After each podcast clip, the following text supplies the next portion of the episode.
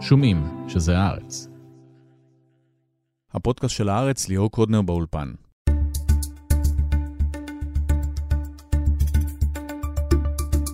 האורח שלנו בפרק היום הוא אביגדור ליברמן. בשבועות האחרונים הוא מתחזק בסקרים. הרבה מדברים גם על המכתב ששלח ב-2016 לנתניהו ולרמטכ"ל, ובו תיאור מדויק של מתקפת חמאס. ליברמן הוא גם דמות מפתח בטלטלות הפוליטיות שעוברות על המדינה, כשהפנה את הגב לנתניהו והוביל למערכות הבחירות האחרונות. אבל ליברמן הוא גם האיש שעליו כתב עמיתי איתן אבריאל, שהוא מושחת, כוחני, אניגמטי ובלתי שקוף לחלוטין. איש שההיסטוריה הפוליטית והאישית שלו היא רצף ארוך של הסתה ופילוג, של עסקאות חשודות ושל פגיעה בשירות הציבורי ובמוסדות המדינה. דיברנו איתו על המלחמה, על פוליטיקה, על הבעיות הכלכליות המחריפות במשק, וגם על שרשרת החשדות שמלווה את הקריירה שלו. האורח המרכזי שלנו היום הוא שר הביטחון, החוץ והאוצר לשעבר, אביגדור ליברמן מישראל ביתנו. שלום. שלום. תקופה ארוכה סירבת להתראיין לארץ, מה השתנה? אני לא זוכר שסירבתי להתראיין לארץ. פנינו, לא ענית, לא באת? אני חושב שבדיוק הפוך. למה אני- הפוך? אני לא זוכר שהייתה פנייה מעיתון הארץ, אני אומר לך. אז הייתה. הייתי פה פעם אחרונה לפני עשור לדעתי. הכניסה עוד הייתה מרחוב הראשי משוקין, עכשיו, עכשיו הרגשתי כמו במנהרות בדרום, אתה פה... כן, זה מבוך מסת- פה. כן, מבוך ממש ממש. נתחיל עם המלחמה בעזה, איך היא מתנהלת לדעתך? תראה, קודם כל היא מתנהלת וזה כבר טוב, זה שינוי דרמטי. היא מתנהלת בלב עזה. לגבי הערות כאלו ואחרות, זה כבר נשאיר אחרי המלחמה. מקשיבים לך? אתה בתקשורת עם מישהו לגבי זה? לא, אני חושב שזה לא נכון להתערב, כי הראה אחד באופן כללי, אה, מה שבולט פשוט אה, צורם אפילו לעין, אנחנו נעים בטור ולא במקביל. זאת הערה אחת בלבד שאני מוכן לעשות כרגע, כי אתה לא יכול לה- להתקדם ממש בטור, אתה מתחיל בצפון, מצפון לדרום, היינו צריכים לעשות פעולת מלקחיים. אבל כל השאר אחר כך. קראת לא להכניס דלק לרצועה, הממשלה לפחות מדברת על זה שזה יגרום למשבר הומניטרי, גם האמריקאים מדברים על זה, מבחינתך זה נו נישו? אני חושב שכל בר דת מבין שאין לנו יותר מדי קלפים מול חמאס, ואחד הקלפים זה דלק. ואם אנחנו רוצים לשחרר את החטופים, הקלף החזק ביותר זה הכנסת דלק, וזה היה מקובל על כולם. גם uh, בזמנו הייתה התניה שכל סיוע הומניטרי בתמורה לכך שנציגי צלב האדום יבדקו את החטופים שלנו. נתניהו אפילו אמר בקולו באחד המסיבות העיתונאים הרבות שהוא עשה מאז, שהוא חלק מהסכם להפסקת אש ולשחרור החטופים, עסקת החטופים שנציגי צלב האדום יבקרו אצל חטופים, לא היה שום דבר. אחר כך לגבי דלק, גם נתניהו, גם שר הביטחון, גם דובר צה"ל אמרו טיפת דלק לא תיכנס. אתה לא יכול לקבוע כללים אדומים וכל פעם למחוק אותם. כלומר, אם כבר משהו הבטחת והתחייבת, אז תעמוד על כך uh, עד הסוף. ולמה זה לא קורה? זה משהו אחר, אבל מבחינתי, כל הנושא של הסיוע המוניטרי ודלק, זה היה אמור להיות אך ורק בתמורה לצעדים מצד השני, ודבר ראשון, נציגי צלב אדום ייפגשו ויבדקו את החטופים שלנו. לא אכפת לך להגיע לעימות עם ארצות הברית סביב הנקודה הזאת? תראה, שלפי דיווחים חושב ש- לפחות? אני חושב שזאת הנקודה שיכולנו להרשות לעצמנו להגיע לעימות. ארצות הברית היא באמת בעלת ברית הכי חשובה, האסטרטגית, נתנה פה כתף. יחד עם זה, גם בין חברים הכי קרובים יכולים להיות חילוקי דעות. בנקודה הזאת אני לא הייתי מוותר, בשום פנים ואופן. ומה שכרגע כולם מבינים, שיש מדינת ישראל, יש הנהגה של לחיצה מאוד, והיא כל פעם מוותרת, היא לא יודעת לעמוד בלחצים, ולכן לחץ רק הלך ויגבר. למה אתה לא חלק מקבינט המלחמה? כי כנראה מאוד לא רצו אותי שם. אבל יצאה הודעה של הליכוד שהצטרפת, אז התברר שזה פייק. דיברו איתך בכלל? אני לא ראיתי הודעה של הליכוד בזמנו, בתחילת המלחמה אכן פנו, אמרו תצטרף לממשלה. אמרתי, אין לי שום בעיה להצטרף לקבינט מלחמה. אני לא רוצה להיות שר מספר 38 בלי תיק, אמנם זה כבוד גדול להחליף את גלית דיסטל, אבל אני מוותר על הכבוד, אין לי דרישות. אני לא רוצה הסכם קואליציוני, לא תקנים, לא תקציבים, אני מוכן uh, להיכנס מתחת לאלונקה, אני מוכן לשאת באחריות, אבל אני רוצה להיות במוקד קבלת ההחלטות. אם אני לא בקבינט מלחמה, אז uh, אני מודה ועוזב ירוחם. ואמרו לך, אתה לא בקבינט מלחמה, בוא תהיה עציץ? פחות או יותר, תהיה בקבינט הרחב, תהיה בממשלה, תודה, לא. אני חושב שעם כל הניסיון שלי, יש לי מה לתרום, וכנראה לא רצו בגלל שברור שדעה שלי ותפיסה שלי שונה לחלוטין. מה השתבש ב-7 באוקטובר לדעתך? לא, זה השתבש הרבה לפני זה. כל התפיסה, כל הקונספציה הייתה שגויה. כל הקונספציה הייתה בנויה על כך שניתן לקנות ביטחון בכסף, ואתה יודע, החליפו מילה הכרעה במילה הכלה, וניצחון החליפו בשקט. כתובת הייתה על הקיר, אתה יודע. אני לא רוצה לחזור אה, על כל מה שאמרתי והזהרתי, אבל אה, ב-21 לדצמבר 2016 נתתי מסמך ביד לראש הממשלה דאז בנימין נתניהו, נתתי לרמטכ"ל דאז גדי איזנקוט, וגם לראש אמ"ן דאז הרצי הלוי, עם תרחיש אחד לאחד. לא בערך ולא דומה, אלא אחד לאחד. מה הולך לקרות בעוטף? מה שמחכה לנו בעוטף, מה התוכניות של החמאס, כולל פריצה של הגדר וכיבוש יישובים וחטופים והלם בחברה הישראלית. הם קיבלו את זה אחד לאחד וגם לאורך השנים. אז איך הם אומרים שהם הופתעו? תראה, מי שלא רוצה לראות, לא רוצה לשמוע, ובמקורות שלנו, אתה יודע, כתוב אין כמו חטא היוהרה. זו דוגמה קלאסית לחטא היוהרה. שתבין, תמיד יש מספיק מודיעין. השאלה מה אתה מפיק ממודיעין. גם לפני יום הכיפורים היה לנו מודיעין מדויק. גם לפני 11 ספטמבר, אצל האמריקאים היה מודיעין מדויק. גם אצל סטלין, לפני פלישת הגרמנים, הברברוסה היה מספיק uh, מודיעין מדויק, אבל אנשים uh, מדי פעם מעדיפים לחיות בהדחקה. גם פה, אני עברתי על אותו מודיעין שעמד לרשות כולם. מה זה לרשות כולם? לרשות רמטכ"ל, ראש ממשלה ואני יודע, ראש אמ"ן בטח. המסקנות שלי בדיוק הפוכות. אבל למה? כאילו תשבוי. אני לא יודע למה, אני אבל לא אתה יודע. מכיר את כל האנשים האלה, אתה עבדת איתם. הם, אה, הם מעדיפים תמיד, כמו שאמרתי, להכיל. תראה, אתה יכול לשאול למה דווקא ב-7 לאוקטובר. התשובה שם מאוד ברורה. בין 17 לספטמבר ל-29 לספטמבר היו מהומות על הגדר. אתה בוודאי זוכר כל הבלונים, בלוני תבערה, שריפות, פגיעה בגדר, ירי.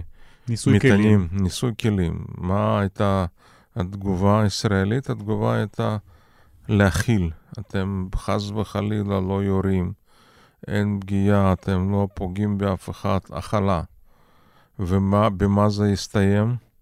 זה נמשך 12 יום, זה הסתיים בהסכם להפסקת אש, שנתניהו מסכים להגדיל כמות הפועלים עזתים מ-18,000 ל-30,000. הוא הסכים להגדיל מרחב הדייג ולהגדיל את ההעברה החודשית מקטאר לחמאס מ-10 מיליון דולר ל-17 מיליון דולר. ברגע שסינואר ראה את זה, אמר, יש פה אנשים שמנים, שבעים, עייפים, לא מוכנים להילחם, לא מוכנים להתעמת, זה הזמן. אני מיד אחרי המהומות על הגדר הגעתי לעוטף עזה, הסתובבתי שם עם גדי ירקוני, שאלתי אותו, תגיד, 12 יום, מישהו ביקר אצלך? אמר, מה זה ביקר? אף אחד גם לא התקשר אליי. לא ראש ממשלה, לא שר הביטחון, לא אליי, לא לאף אחד מראשי העוטף, לא שאל מה אנחנו צריכים. יש סרטון, מאז אני הסתובבתי איתו שם, עשינו סרטון, ואני אומר, תשמע, אין פה חיילים, פה תהיה פריצה. זה היה כשבוע לפני פריצה, באותו שבוע לפני פריצה, עוד פעמיים, הזהרתי פעם אחת בריאיון, ערוץ 7, האתר שלהם, וגם ביום לפני תחילת המלחמה היה רעיון בידיעות אחרונות, ואני אומר, כרגע המצב יותר גרוע מאשר לפני יום הכיפורים.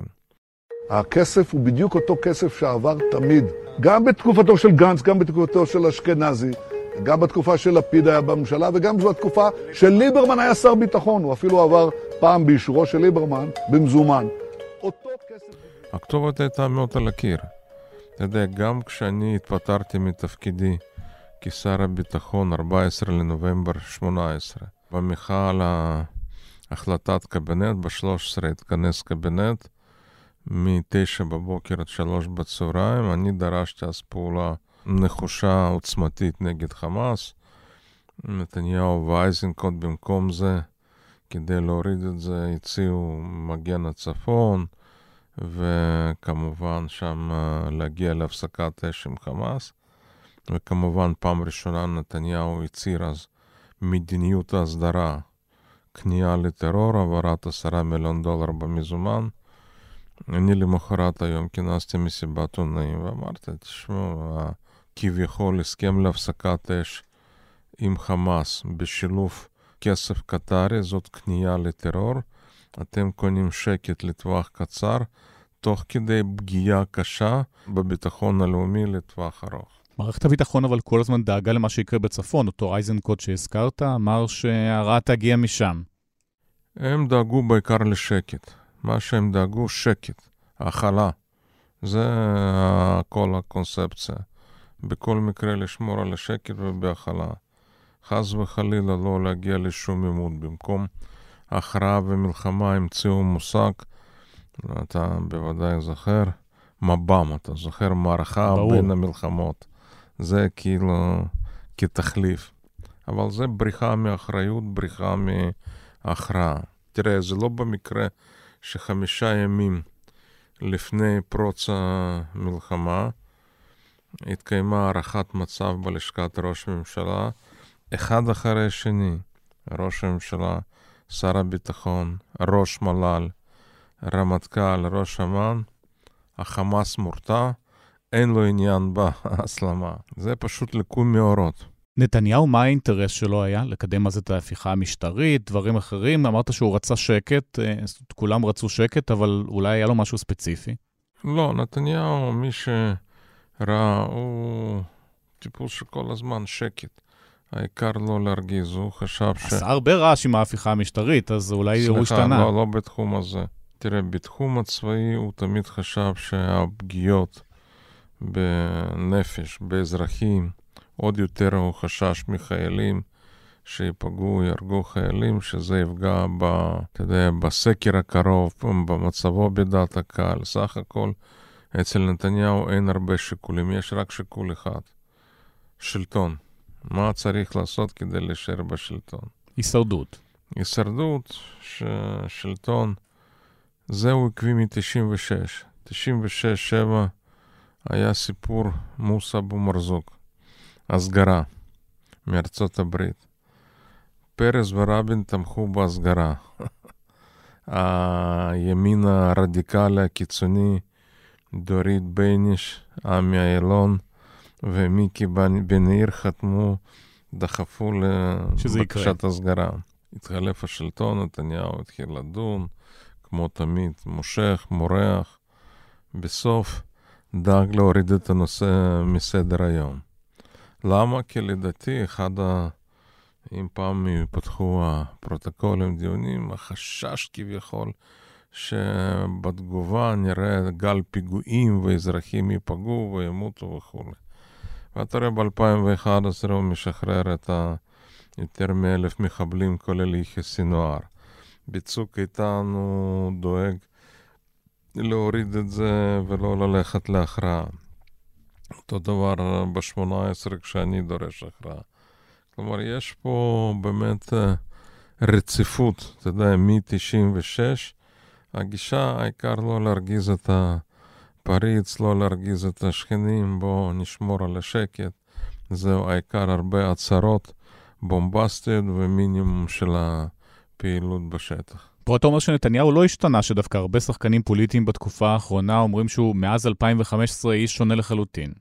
אני מסתכל לא על הפירושים, לא על האמירות, אלא על המעשים. כלומר, כשאני מסתכל מ-96, האיש החזיר את, אתה יודע, עשה כמה מהלכים שהזכירו נתניהו באמת לאורך השנים.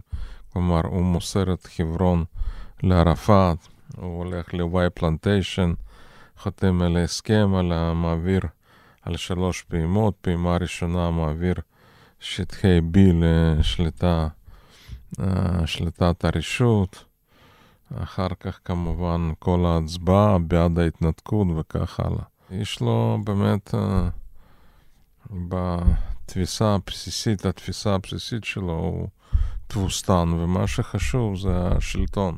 אבל עכשיו הוא מדבר על זה שהוא היחיד שימנע את זה שהרשות הפלסטינית תיכנס לעזה. אתה זוכר שהוא דיבר שהוא היחידי על חמאס.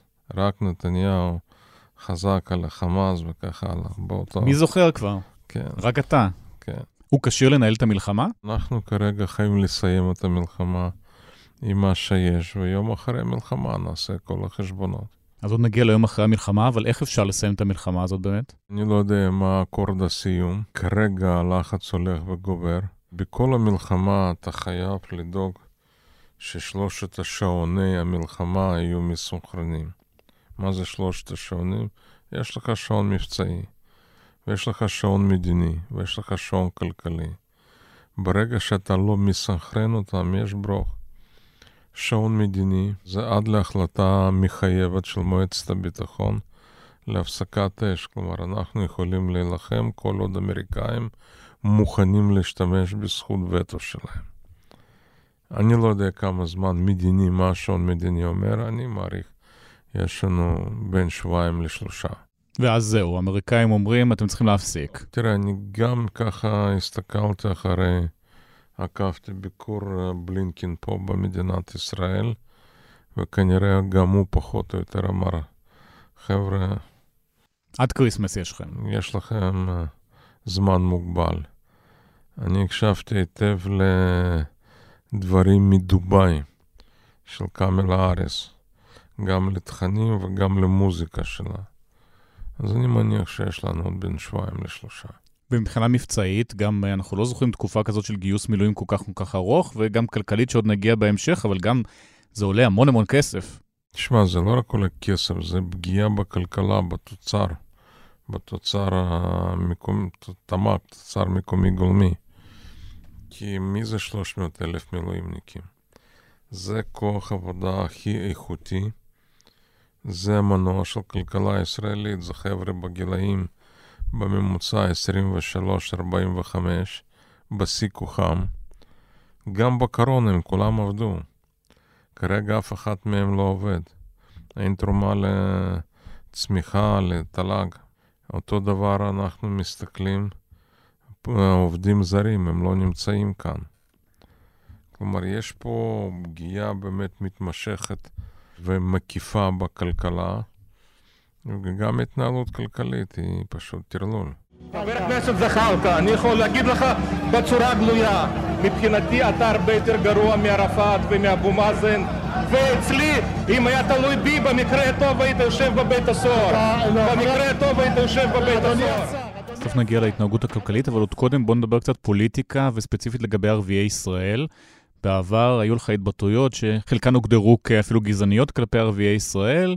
דיברת על הנאמנות שלהם, במי הם יתמכו. בינתיים במלחמה הזאת אנחנו לא רואים שום בעיות, למרות אזהרות גם של בן גביר שזה גיס חמישי. אני תמיד דיברתי במונחים של הלויאליות, ואמרתי תמיד, אין שום אה, הבדל בין דת, גזע ומין, והדרישות שלי מכל אזרחי ישראל בבסיס להיות לויאליים, וזה לא משנה אם זה מדובר במוסלמים, נוצרים או יהודים.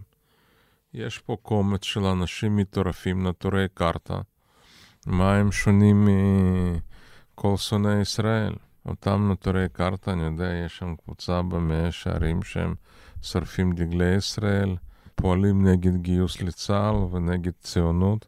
אין שום הבדל. אמרתי לזה אלף פעמים, אני לא רואה שום הבדל. אבל דווקא ערביי ישראל, אולי זו הייתה טעות לתקוף אותם, שכרגע אנחנו רואים אותם גם לוחמים. סליחה. גם לא רואה שום הבדל בין מרדכי ונונו לעזמי בשארה. שניהם בוגדים, שניהם מרגלים. אז הדרישה שלי תמיד הייתה אחידה לכולם. אני חושב שכיהודים, כעם ישראל, זה זכותנו לדרוש לויאליות מכולם שחיים כאן. כי עם ישראל תמיד היה לויאלי לכל מדינה איפה היינו חיים. זה לא משנה אם זה צרפת, או ארצות הברית, או רוסיה, או מרוקו, או עיראק, תמיד יהודים היו לויאליים. אנחנו מכירים גם שלצערי, ואני יודע, מלחמת העולם הראשונה, יהודים נלחמו משני צידי המתרס האלו לצד uh, מדינות הציר, לצד מדינות האנטנטה וכך הלאה. אבל אתה רואה את הבעיה הזאת עכשיו עם ערביי ישראל דווקא? אני חושב שתראה, כל הסיפור של המלחמה הוא פה גרם לשינויים טקטוניים. בחברה הישראלית מכל כיוון. קודם כל, אתה יודע, אני הסתובבתי שם בקיבוצים, הייתי בכפר עזה, בעוטף. זה היה מדהים לשמוע את השמוצניקים, קיבוצי שומר הצעיר, אנשים ששנים דאגו לתת פרנסה לעזתים, הסיעו אותם מהגבול. אתה שומע אותם, הם לא מוכנים יותר לשמוע. אחד, העזתים לא מוכנים להכניס, ומבחינת העמדות שלהם זה פשוט... אמרו שיצביעו לך. לא, אני לא אצביע, אבל הם בטח בעמדות הפוכות. כלומר, כשראינו בדיעבד גם את המצלמות, אותם עזתים שבאמת שנים התפרנסו, אכלו מהיד של אותם קיבוצים. הם היו אלו הראשונים שנכנסו והשתתפו בביזה, הם סיפקו את המודיעין. הם פגעו באנשים שבאמת הגנו עליהם. תסתכל את הסיפור המדהים של ויvian סילבר, שהיא הייתה נושאת הדגל, היא נלחמה על הזכויות הפועלים העזתים בתוך הקיבוצים, היא הייתה בצלם, כמה ימים לפני פרוץ המלחמה ארגנה עצרת בירושלים של נשים למען שלום, פלסטיניות עזתיות, רצחו, שרפו את גופתה. לא ראיתי מישהו אחד שם בצד העזתי שמישהו הביע צער על הרצח ויvian סילבר. אבל שאלתי אותך על ערביי ישראל, ושם התמונה זה... שונה, רם, לא, מנסור לא, עבאס אומר... התבטא בצורה מפורשת. אני חושב, אז שנייה, זה שינוי אצל הקיבוצניקים, השומר הצעיר. גם אצל ערביי ישראל, גם אני מכיר שם כמה תרחישים שהציגו שב"כ, משטרה, לפני uh, מלחמה, אם מלחמה כזאת תפרוץ. רוב האוכלוסייה, לא כולה, אבל רובה מתנהגת אה, באחריות, מתנהלת באחריות. אז טעית ביחס אליהם? לא, לא, לא, אני לא חושב שטעיתי, אני אומר באמת, אני חושב שמי שמזדהה מדינה גם אז, הרי תראה, בעידן האינטרנט קל מאוד לבדוק. אין לי שום בעיה עם בחור מוסלמי שהתגייס ולוחם בגולני בצנחנים. אבל אז באמת אני מאוד מאוד אעריך ואני אומר, מגיע לו אה, לא פחות מהבן שלי, כמו שאנחנו הדרוזים, תראה, חבר כנסת דרוזי היחידי בכנסת ישראל, הוא לא במקרה בישראל ביתנו. אבל לא דרוזים, מוסלמים. דיברת על, מוסלמים. למשל על אה, טרנספר מהמשולש. לא, שנייה, גם פה, מה שחשוב, שאנשים ילמדו על מה הם מדברים. ולא יהיו עם דעות קדומות ועם סיסמות. מעולם לא דיברתי על טרנספר. אמרתי על חילופי שטחים ואוכלוסיות. שזה סוג של טרנספר. לא, זה לא טרנספר. חילופי שטחים ואוכלוסיות בהיסטוריה האנושית השתמשו עשרות פעמים. כשהייתי שר החוץ ביקשתי חוות דעת ממחלקת המשפט הבינלאומי, האם מותר מבחינת המשפט הבינלאומי חילופי שטחים אוכלוסיות, עד היום יש לי חוות דעת מנומקת, אין שום בעיה, זה מעוגן, אגב, גם בתקנון של האו"ם, אין שום בעיה עם חילופי שטחים ואוכלוסיות. זה השתמשו פטנט עשרות פעמים. ולכן אין, לי, אין פה שום בעיה. אני באמת חושב שאין שום סיבה שאנחנו, אני יודע, נמשיך אה, להחזיק במשולש באום אל-פחם, הם כולם, רובם מזדהים כפלסטינים, רצים להיות חלק מהעם הפלסטיני, שום בעיה. לא מגרשים אף אחד מהבית, לא לוקחים מאף אחד אזר... רכוש, לא לוקחים להם כסף, פשוט מזיזים גבול. זה לא... אומרים ש... שהם לא אזרחי ישראל יותר. באותו אתה גם מכיל ריבונות ישראלית, על גוש עציון, על מעלה אדומים, כלומר, אתה באמת עושה פה... כן, אבל ערביי ישראל, שאתה לא שואל אותם איפה הם רוצים להיות, מה הם רוצים להיות, אתה מעביר את הבעיות שלהם למדינה אחרת. מעולם לא שאלו את האזרחים כשביצעו, ויש בהיסטוריה האנושית עשרות מקרים של חילופי שטחים באוכלוסיות. זה לא משנה אם זה צ'כיה, גרמניה, אם זה יוגוסלביה לשעבר. יש לך אין ספור מקרים. ודווקא בגלל שאנחנו רואים אותם אה, בעת מזדהים עם כוחות הביטחון, לא מפגינים כרגע, בעת מתגייסים למען שמה, המדינה, עדיין זו תוכנית ריאלית מבחינתך? אני אומר... בוא, אולי נעביר אותם לעזה גם. תראה, קודם כל אנחנו צריכים באמת להתנתק מעזה, לא להעביר לשם, אבל אין שום סיבה שאותה כביכול שחקנית, שהיא תמכה בכל הזוועות של חמאס, שהיא תמכה בכל האלימות הזאת, היא מזדהה איתם, שאותה לא נעביר לעזה, שתקים תיאטרון ליד חמאס. האנשי חמאס הם אה, חובבים ידועים של האומנות, ששם תקים תיאטרון. אבל זה מקרה ספציפי, אולי כן, הגישו נגדה גם כתב אישום, ופה אנחנו מדברים על אוכלוסייה, על מאות כל... אלפי אנשים. אני אומר שבאמת אנחנו כרגע צריכים להתמקד בדבר אחד, בניצחון. אגב, גם חברה חרדית עברה שינוי די דרמטי. כשאני מסתכל על הקיבוצים, על ערבי ישראל, וגם אנשי, אתה יודע, חלק גדול מחברה חרדית, ולאו דווקא אגב זק"א. אני ביקרתי בזק"א, הם באמת אנשים יקרים, אבל גם הם היו, אתה יודע, מוקצה בחברה החרדית עד לפני מלחמה. אבל לראות נשים חרדיות בבני ברק שמכינים אוכל לשבת לחיילים, לפני מלחמה זה היה בלתי אפשרי, היו בטח מגרשים אותם מבני ברק או מרביצים להם. איך כל החברה פה עוברת תהליך שינוי טקטוני, ואנחנו צריכים להיות ערים לכך. בדיוק בהקשר הזה, אם אני צריך למקם אותך איפשהו בציר שבין uh, לפיד לבן גביר, איפה ישראל ביתנו ממוקמת? היא ממוקמת עם ז'בוטינסקי. אני גדלתי בבית הבית"רי. זה הרבה אנשים אבל אומרים, וקשה מאוד, מי שזוכר כבר קשה לדעת איפה ז'בוטינסקי ממוקם בפוליטיקה הנוכחית. שמע, אנחנו יודעים בדיוק. אני לפחות יודע בדיוק, בניגוד לאחרים, אתה יודע. ז'בוטינסקי קודם כל היה אינטלקטואל. שכתב, דיבר, קרא, אני יודע, בשבע שפות. הרי לא במקרה אלטלנה. מה זה אלטלנה? זה שם של ז'בוטינסקי. מאיטלקית הוא אגב הריץ את ריבלדי, את שפה איטלקית, וזה נדנדה, אלטלנה זאת נדנדה, זה שמן. אבל הוא היה איש מאוד נאור. אתה יודע, הוא מעולם, אני צם שלוש פעמים בשנה, הוא לא צם אף פעם, גם לא ביום הכיפורים. אני גם לא אזכיר כרגע מה הייתה ארוחת בוקר הקבועה שלו. בייקון. אבל הוא גם לא הלך לבית הכנסת, ובטח לא שמר על שבת. ובנו ארי ז'בוטינסקי היה בין הראשונים ב-1950, יחד עם רב קוק, אגב, שהצטרפו לליגה נגד כפייה דתית. אתה יודע, שלושת הסמלים של תנועה לאומית, אם אתה היום תגיע עכשיו מפה לבית ז'בוטינסקי, תראה שם בכל קומה או תמונה או פסל של הרצל, ז'בוטינסקי, טרומפלדור. שלושתם היו אתאיסטים מוחלטים. ואני חושב שישראל ביתנו היא באמת התנועה היחידה. אתה יודע, אצלנו שמאל-ימין זה תמיד התייחסות אך ורק לשאלה של ערבים, ערבי ישראל, פלסטינים. ימין ושמאל זה קודם כל התייחסות לסוגיה כלכלית.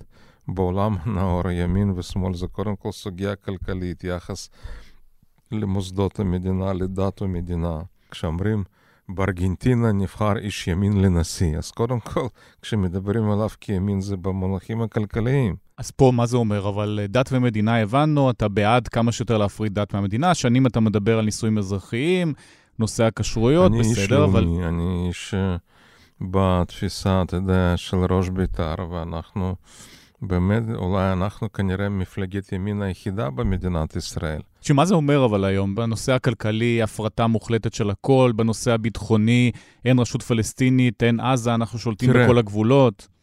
קודם כל לגבי רשות הפלסטינית ולגבי שתי מדינות לשני עמים. אני חושב שזה ברור שזה נכשל לחלוטין. אז מדינה אחת, שנייה. מה הפתרון? לפני שבוע נפטר הנרי קיסינג'ר, בן מאה.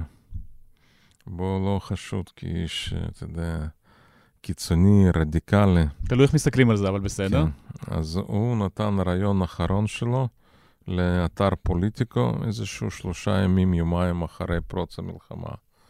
מה הוא אומר? הוא אומר, נגמר הסיפור של שתי מדינות לשני עמים. אני חושב שעשינו פה אקספרימנט של 30 שנה, מאז הסכמי אוסלו עד עכשיו, וראינו שזה פשוט לא עובד. אנחנו אפשרנו לאבו מאזן להיבחר ב-2005, זו פעם ראשונה ואחרונה שהוא עמד לבחירות. היום הוא גם לא ייבחר לוועד הרחוב ברמאללה אם הוא הולך לבחירות. הוא חי על הכידונים שלנו, ולמרות זאת הוא מכחיש שואה כרוני. הוא סירב לגנות את כל הזוועה הזאת ב-7 לאוקטובר. הוא מגיש נגד מדינת ישראל חדשות לבקרים תביעות ל-ICC על פשעי מלחמה ופשע נגד אנושות. אבל יתרה מזאת, ב-2005 הוא נבחר, בתחילת 2005, אחר כך הייתה התנתקות, השלמנו באוגוסט התנתקות, 2005, והעברנו לו מפתחות מרצועת עזה. ב-2007, כשהוא היה בשיא כוחו, ודחלן היה עוד ברצועה, ובסיוע האמריקאי, בסיוע הישראלי, נהנו, נהנו מהגיבוי, הם הפסידו את רצועת עזה לחמאס. אז הם מסוגלים להשתלט על עזה היום. אז מה כן? מה שנייה, הפתרון? אז גם אם ביהודה ושומרון, הרי הוא שולט אולי במוקטה. זה מה שיש לו, הוא ריבון רק במוקטה. מתי הפעם האחרונה ביקר בג'נין, בטול כרם, בחברון? הרי האיש גם לא מסוגל לנהל מבחינת יכולת ניהולית. גם כל האנשים שמוכשרים צצו ברשות פלסטינית, הוא דאג לסלק אותם. קח דוגמה סלאם פיאד. ולכן הפתרון הוא אחד ויחיד. צריך להחזיר את השליטה ברצועת עזה למצרים, ועל שטחי A לירדנים ביהודה ושומרון. אין פתרון אחר. הם לא כך רוצים, אבל גם אם תזמין אותם, הם לא רוצים לבוא. אז יש לך מספיק מנופים, וזה לא יקרה מיד, אבל אם לא, אתה יודע, נזגזג כל הזמן, אם לא נתייסר, אם נהיה מאוד uh, ברורים, חזקים ונחושים, זה מה שיקרה. שפתאום המצרים ישתכנעו שהם חייבים לא, את רצועת עזה? הם יבינו, כי זה, זה בעיה מבחינתם אולי יותר גדולה מאשר uh, מבחינתנו. כי הם מפחדים שהפליטים האלה יגיעו אליהם? והם יצטרכו לקחת על זה אחריות. אנחנו מבחינתי, וזה יהיה מבחן, חייבים יום אחרי המלחמה, אומרים מה יקרה. קודם כל לסגור הרמטית, איטום מוחלט של מעבר ארז, מעבר כרם שלום. אין חשמל, אין מים מצד ישראלי. לא מספקים כלום. אתם רוצים? הנמל שלכם אל עריש, לא אשדוד. אין מטענים יותר לעזה דרך הנמל אשדוד. חשמל, מים, הכל בצד המצרי. אבל אז יצאו התמונות של אה, מה ישראל עשתה בתוך עזה, הבתים ההרוסים. הפליטים, מחלות, כבר התמונות- מתחילים לדבר. התמונות, אנחנו ראינו התמונות של כל ההרס ושריפה והתעללות באנשים וזוועות שם ב-7 לאוקטובר. שאף אחד לא יטיף לנו מוסר. ונתניהו מסוגל להגיע לנקודה הזאת? אמרת שאחרי המלחמה צריך לשאול מה עושים. תראה, קודם כל נתניהו צריך לקחת אחריות, אתה יודע, במקרה הזה הדברים הרבה יותר פשוטים. הוא נתן עדות בוועדת וינוגרד אחרי לבנון השנייה, וגם נאומים בכנסת, והוא הסביר מה אחריותו של ראש הממשלה בזמן המלחמה וגם בין המלחמות. והוא דרש מאולמרט אה, להסיק מסקנות ולהתפטר, אבל כל הדברים האלו מוקלטים ממוסמכים, במיוחד עדותו בוועדת וינוגרד. אז אני חושב שהדברים פה מאוד ברורים. אתה לא מצפה ממנו שזה מה שהוא יעשה. מכיר אותה הרבה שנים. א', אני מצפה, כמו, אתה יודע, כל איש הגון, שזה קורה במשמרת שלו. ודבר שני, אנחנו נצטרך אה, לחזור לבוחר, לבקש אמון הציבור, ולבחור בהנהגה שבאמת אה, תזכה באמון הציבור, ולראות אם ציבור עדיין מאמין בהנהגה הקודמת או הנהגה אחרת. שזה ריאלי, אבל הבחירות זה נראה שזה הולך ומתרחק. נתניהו הצליח כנראה לסגור דילים עם הקואליציה, מדבר על זה שה-64 שלו ימשיכו לשמור עליו. זה לא נראה שזה הולך לכיוון שאתה מדבר עליו. מה שראינו בשנה האחרונה, שמערכת פוליטית באמת חלשה ומרוסקת. ואם אני מדבר על ניסיון האחר של נתניהו להשתלט על בית משפט עליון ועל ועדת בחירות מרכזית, מי שעצר את זה זה לא מערכת פוליטית, זה דווקא מערכת uh, אזרחית. המפגינים. החברה האזרחית, המחאה. אני מניח שגם הפעם, מי שהגורם הדומיננטי יהיה אותם ארגונים, אותה חברה אזרחית, היא תהיה דומיננטית, ובסוף, אתה יודע, הפוליטיקאים הם כמו שבשבת, רובם מתיישרים עם הרוח. אז ברגע שיראו שיש באמת דרישה חזקה מהעם לשינויים, גם פוליטיקאים התיישרו. גם עכשיו נתניהו הרי מוטרד, זה לא במקרה שהוא כל הזמן מנסה לתמרן. אני בטוח שהוא לא סומך לא על ניר ברקת, לא על יולי אדלשטיין, לא על uh, שר הביטחון שלו, יואב גלנט, יש עוד כמה אנשים שם בליכוד. הוא לא במקרה מנסה כרגע לעשות כל התמרונים. כי כמו שאמרתי, אצלו השיקול היחידי זה שלטון, הישרדות. אז תן לו"ז אבל. מה, מתי בחירות? אם אני אצטרך להמר על בחירות ואני לא מהמר, אני חושב שאנחנו עוד ב-24 נהיה בחירות. כי גם הדברים האחרים, אני לא יודע כמה זמן יש לנו, אבל גם בכלכלה צריך להבין שזה תקציב שהוא כולו כלכלת בחירות. ניסיון ממש לחלק כסף לבייס, לקבוצות תמיכה. אבל מה הבעיה? גם שמעתי שם את שר האוצר, תראה, כל ההשוואות שעושים בין קורונה, היינו בברוך בקורונה ויצאנו ועכשיו, זה פשוט טרלול. קורונה הייתה תופעה עולמית, כולם היו באותה סירה. כרגע אירוע מקומי לוקאלי שלנו. בקורונה הייתה הרבה סימפתיה למדינת ישראל, כל המאמצים כרגע אין שום סימפתיה. דבר שני, אנחנו יצאנו מקורונה, הריבית הייתה אפס. כרגע הריבית פריים 4.75. הגירעון יגיע ל-5%, 6%. בתנאים כאלו, כשאתה מפזר כסף מהמסוק, מה שאתה מקבל אינפלציה. בתנאים כאלו, מה שאתה חייב לעשות, זה לא לפזר כסף, אלא להשקיע את הכסף במנועי צמיחה. פה אין שום השקעה במנועי צמיחה, יש פיזור כסף. ולכן אני מאוד מוטרד מה שיקרה בפן הכלכלי. הנסיבות הן כאלו, תראה, אני לא רואה עדיין תושבי צפון חוזרים צפונה. אני לא רואה את העובדים זרים מהר חוזרים לכאן. ולכן אנחנו פה נהיה בסיטואציה מאוד מאוד מורכבת, ומי שיצטרך להתמודד זה ממשלה שמקבלת אמון מחדש מהציבור. אי אפשר יהיה להמשיך. לא משנה מה יעשו גורמים בקואליציה, מה יעשה נתניהו. ב-24 נגיע לבחירות. פוליטיקאים באים ויוצאים את חדרי החקירות ובמשך קרוב ל-12 שנה במשטרה ובפרקליטות שוברים את הראש בניסיון לפצח את תיק ליברמן. אני מאמין שאנשי המשטרה יגיעו אליי כמו שאני התגעגעתי אליהם. במרכז התיק חשד שמיליוני דולרים הועברו לחברות בישראל, קפריסין ואיי הבתולה, כולן בשליטת הפוליטיקאי הבכיר בעודו מכהן כפוליטיקאי בכיר. כל הדבר הזה עור ופרח. אני ראיתי אנשים שכבר מתרגשים מה יקרה ומה ההשלכות. ההשלכות שאנחנו ממשיכים. הזכרת את המפגינים, אחת הסוגיות המרכזיות שהם הפגינו נגדם זה גם נושא השחיתות. אז השם שלך נקשר להרבה פרשיות פליליות, דמויות מפוקפקות, מרטין שלף, דובר על כסף לבת שלך, לנהג.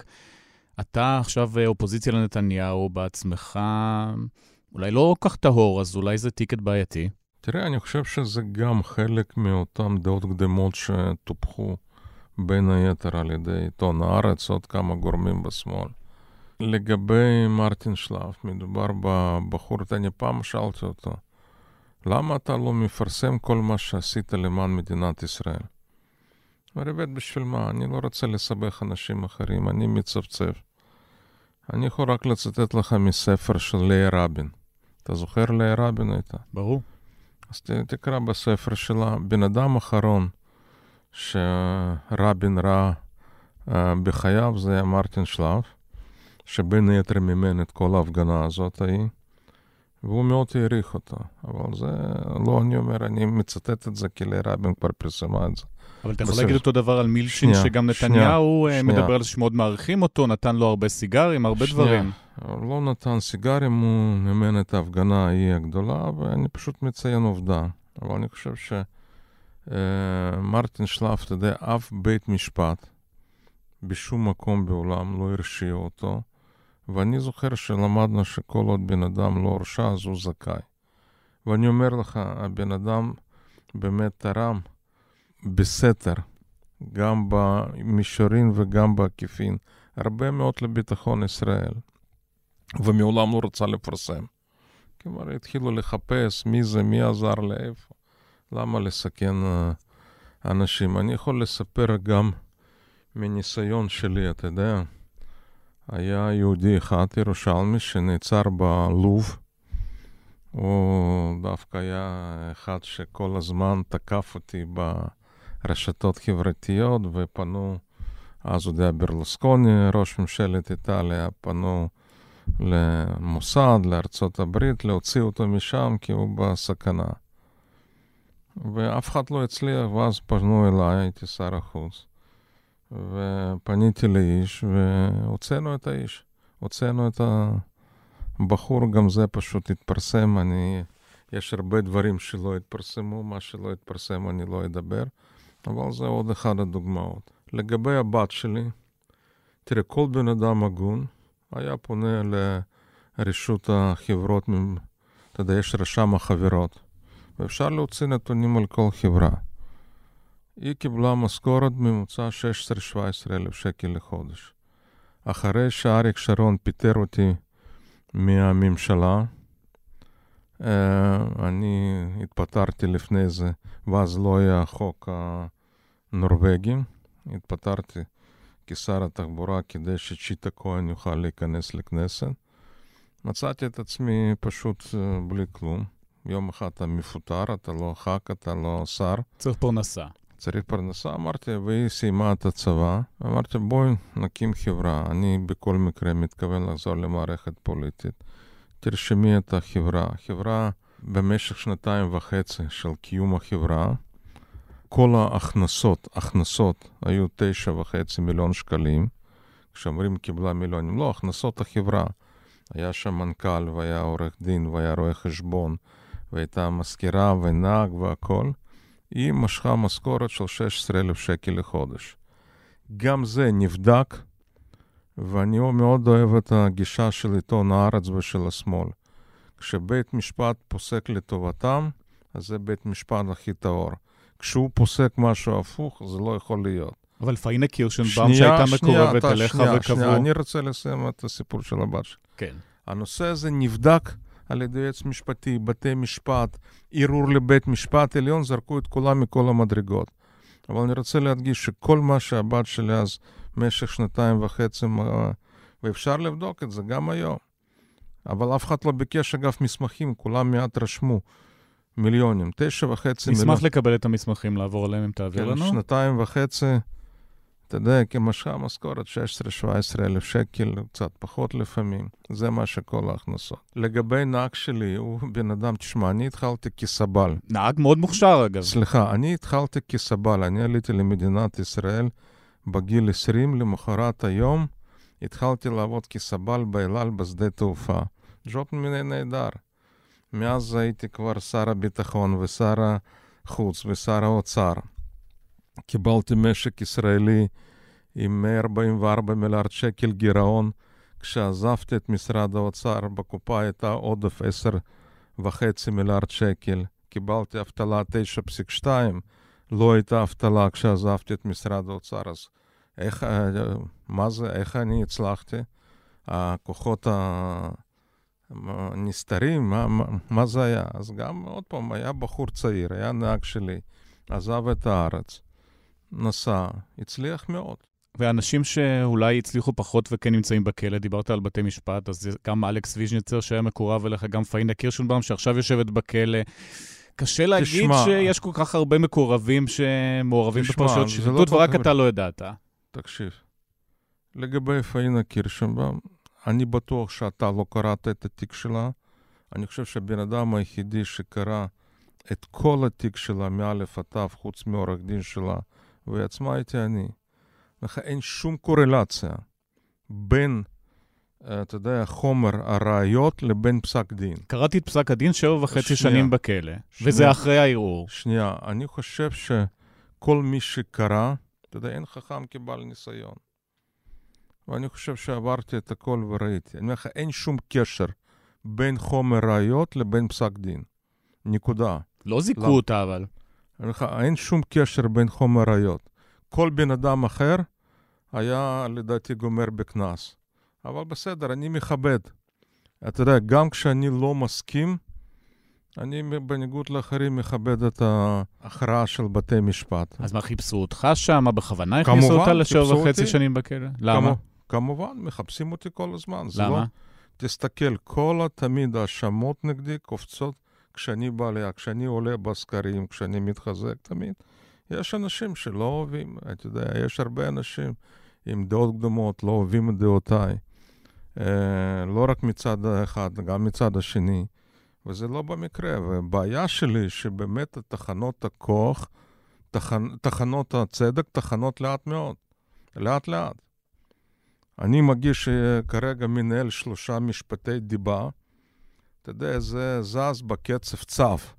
אתה יודע, ברגע קריטי, אנחנו במערכת הבחירות האחרונה, בדיוק אחרי שאני סוגר את העסקה, אה, לא את העסקה, את ההסכם עם ההסתדרות המורים ואנחנו עולים, פתאום צץ אחד ומתחיל לספר סיפורי בדים, משקר במצח נחושה. אני מגיש תביעת דיבה, אתה יודע, עברה כבר יותר משנה, הצלחתי פעם אחת. ישיבה הבאה של בית משפט בעוד חצי שנה. כשאתה גומר את כל המשפטים האלו, אז זה בכלל כבר אנשים שכחו על מה מדובר. אבל יש פה כן הרשעות, היא יושבת בכלא, גם אה, אלכס וישניצר. אמרתי לך, אין שום... אלכס וישניצר, תשמע, הוא לא היה חבר לא בישראל ביתנו, לא פעיל. מינית זכ... אותו לתפקידים בכירים? אני מיניתי אותו לתפקידים בכירים, והוא זכה לשבחים מכל השרים על הפעילות המקצועית שלו. הוא משהו הורשע על משהו שלא שייך, לא אליי, לא לישראל ביתנו, בתפקיד שמינה אותו מישהו אחר, לא אני. אז בן אדם נופל, מתחלק. אבל אני נשאר חברים, אתה יודע, החברות נבחנת כשבן אדם נופל, לא כשהוא בשיא התהילה. ואני מעולם לא זונח את החברים. מבקר אותם גם בכלא? כן. כן, אני חושב שזה המבחן של החברות, לא כשהכול טוב וכולם משגשגים וכולם באים אתה יודע, להתחנף. אבל באמת אין אף פוליטיקאי אחר, אפילו נתניהו, שמבקרים אותו על שחיתות, אה, לא, לא נקשרו עליו כל כך הרבה סיפורים. נתניהו הגישו כתב אישום, עכשיו זה מתברר, יש שלוש פרשיות, אצלך באמת יש הרבה דברים שעולים לאורך השנים. אמרת שמישהו מחפש אותך, אז מי זה ולמה? תראה, אני יכול להגיד לך שאני היחידי שזוכיתי בכל ה... אתה יודע, זוכיתי בזיכוי מוחלט. חוסר אשמה בכל המשפטים ובכל העלילות שגלגלו נגדי. עברתי את יועצים משפטיים ובית משפט אה, מקומי ומחוזי ובית משפט עליון. איך אתה מסביר שכולם זיכו אותי זיכוי מוחלט? יאיר נתניהו למשל אמר בעבר שהדרישה המרכזית של ישראל ביתנו במשא ומתן הקואליציוני הייתה שימנו את יהודה ויינשטיין ליועץ משפטי לממשלה. מעולם לא היה... שק... כדי שהוא אה, יסגור את התיקים שלך. מ... תקשיב, מעולם לא העלינו שם של יהודה ויינשטיין. אני פשוט לא מתווכח אתה עם קרובי משפחה, שאני לא סומך לא על שכלם ולא על יושרם. אבל אני מציע שתפנה שאילתה לנתניהו, האם אי פעם העלינו דרישה. הרי זה קל מאוד לבדוק. הוא לא הכחיש את זה נתניהו גם. כן, הוא לא, מעולם לא אישר, כי זה לא היה. אתה יודע, זה שהוא לא מקיש, מעולם לא העלינו נושא של יהודה ויינשטיין. אבל גם אצל יועצים משפטיים אחרים, הרי גלגלו כל כך הרבה, אתה אומר, פרשיות. אתה יודע שפרשיית, אני עד מינוי אה, לתפקיד מנכ"ל משרד ראש הממשלה, שילמתי פעם אחת בחיים קנס על החנייה. כשהתמניתי למנכ"ל משרד ראש הממשלה, חודש אחרי זה נפתחה חקירה ראשונה. יש את הביטוי אין עשן בלי אש, אז פה אז אתה אומר יש לך- שמחפשים אותך, ויש עשן. תקשיב, אין עשן. עובדה שמכל הסיפורים, עם כל המשפטים, עם כל מה שהשקיעו, אתה יודע, והשקיעו מיליונים בחקירה. אני זוכר, אתה יודע, אחר כך אתה מקבל חומר חקירה. מזמינים מומחה FBI ליומיים למדינת ישראל, שייתן חוות דעת על הדיו. כמה שנים לדיו, שמשלמים על יומיים האלו 115 אלף דולר. ומה לאכזבתם? שום דבר. הדיו המקורי, אוריגינל, אין שם שום uh, זיוף. נתניהו אבל אומר אותו דבר, שהתיקים נגדו אני עולים לא אומר על מיליארדים. נתניהו, על התיקים שלו, אני סומך על בתי משפט, אני אכבד כל החלטה של בית משפט.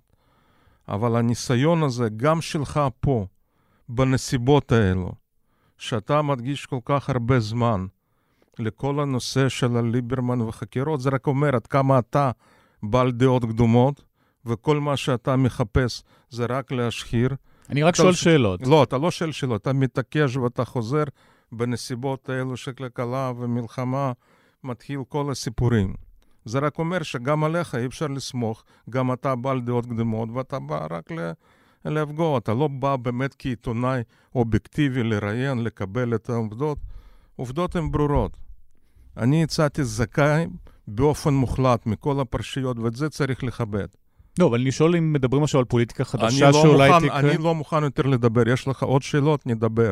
לא, אז תודה רבה וסיימנו. לא, יש... בוא נדבר על... אתה חושב שנתניהו תחת כתבי האישום שלו יכול אה, לנהל את המדינה? תראה, אני רק יכול לענות ב... אתה יודע, במילים של נתניהו.